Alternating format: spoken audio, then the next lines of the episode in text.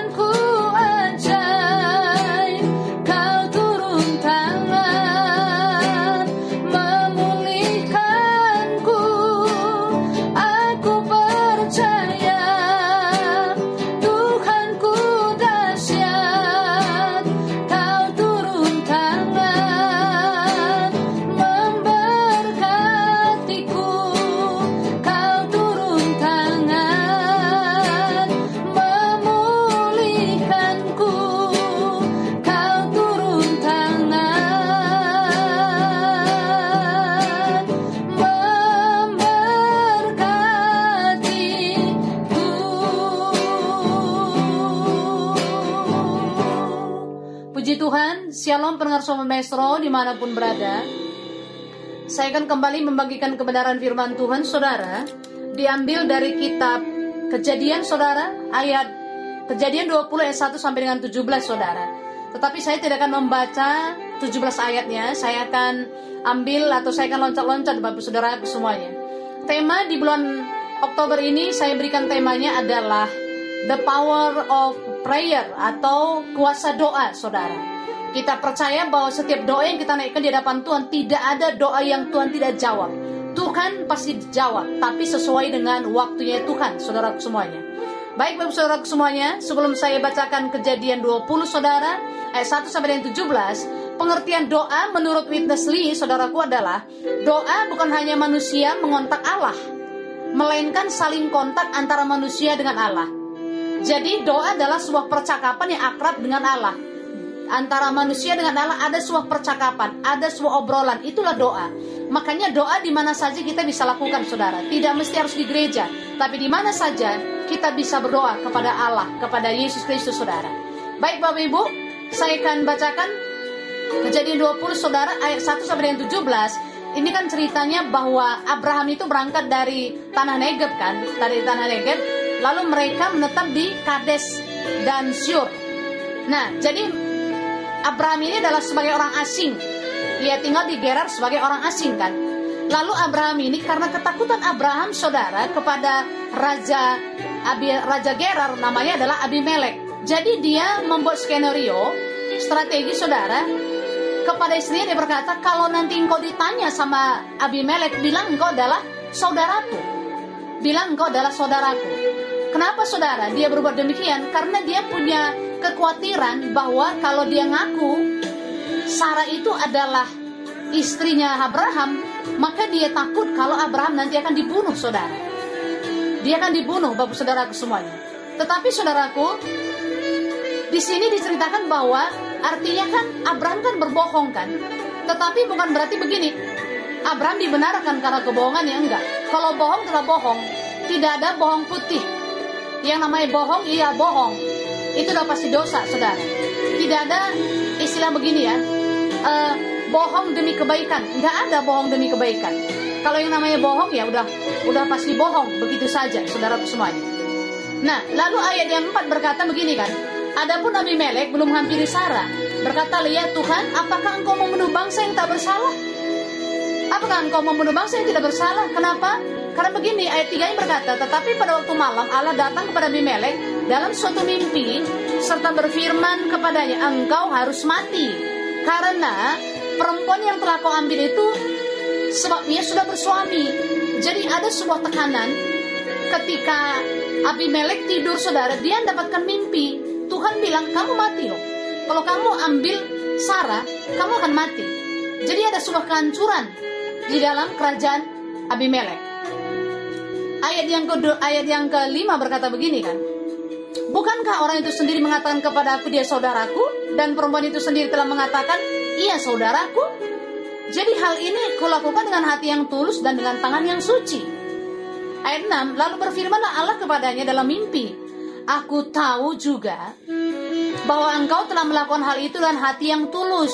Maka aku pun telah mencegah engkau untuk berbuat dosa terhadap aku. Sebab itu aku tidak membiarkan engkau menjamah dia. Jadi, sekarang kembalikanlah istri orang itu, sebab ia seorang nabi. Ia akan berdoa untuk engkau, maka engkau tetap hidup. Tetapi jika engkau tidak mengembalikan dia, ketahuilah engkau pasti mati. Engkau dan semua orang-orang bersama-sama dengan engkau. Ada sebuah kehancuran kalau Ab, kalau Abimelek tetap kekeh untuk menghampiri Sarah. Puji Tuhan saudara, dia mendengarkan apa yang diberitahukan oleh Tuhan melalui mimpi. Dan dia ber, dan Tuhan beri, bilang kepada Abimelek, engkau temui Abraham, dia akan berdoa untukmu. Dia akan berdoa untukmu dan engkau bersama-sama dengan semua orang-orangmu akan selamat, akan mendapatkan sebuah perlindungan, saudara. Akhirnya Abimelek mendatangi Abraham. Begitu kan? Abimelek mendatangi Abraham. Memang Abimelek kesel sama Abraham. Kenapa? Karena dia merasa ditipu. Kenapa engkau lakukan hal ini? Ayat 9 berkata, Kemudian Abimelek memanggil Abraham dan berkata kepadanya, perbuat perbuatan apakah yang kau lakukan ini terhadap kami? Dan kesalahan apakah yang kau lakukan terhadap, terhadap engkau? Yang kulakukan terhadap engkau maksud saya. Sehingga engkau mendatangkan dosa besar ke diriku dan kerajaanku. Lagi-lagi saudara Abraham bela diri kan? Dia bilang aku pikir di sini tidak ada tidak akan tidak akan tidak akan ada orang yang takut akan Tuhan. Ayat 11 berkata begini Lalu Abraham berkata, aku berpikir takut akan Allah tidak ada di tempat ini. Tentulah aku akan dibunuh karena istriku. Itu ketakutan dia dia saudara. Makanya Bapak Ibu, apa pun keadaan kita hari-hari, jangan pernah berbohong. Ceritakan aja apa adanya. Karena kita tahu bahwa kejujuran itu merupakan sebuah poin di hadapan Tuhan. Jadi ketakutan Abraham membuat dia mengambil inisiatif untuk berbohong kepada Abimelek berkaitan dengan istrinya tadi. Namun saudara, tindak namun tindakan Ab Abraham ini adalah tindakan yang tidak benar seperti tadi saya sudah bagikan saudara. Artinya, bohong ya bohong. Ya bohong itu tetap dosa. Tidak ada bohong demi kebaikan. Itu itu kembali saya ungkapkan kembali saudara. Jadi berdasarkan pelajaran dari kejadian 20 ayat 1 sampai 17 saudara, kuasa doa itu yang pertama yang didapatkan oleh Abimelek adalah ada tuntunan. Ada tuntunan. Ayat yang, ketujuh, berkata begini.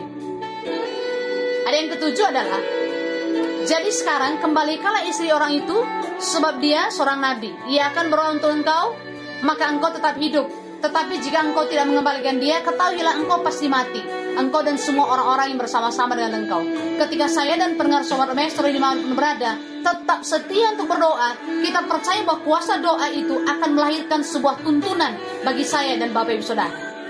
Ada sebuah lagu berkata begini kan, Bila engkau tak besertaku, ku tak mau berjalan.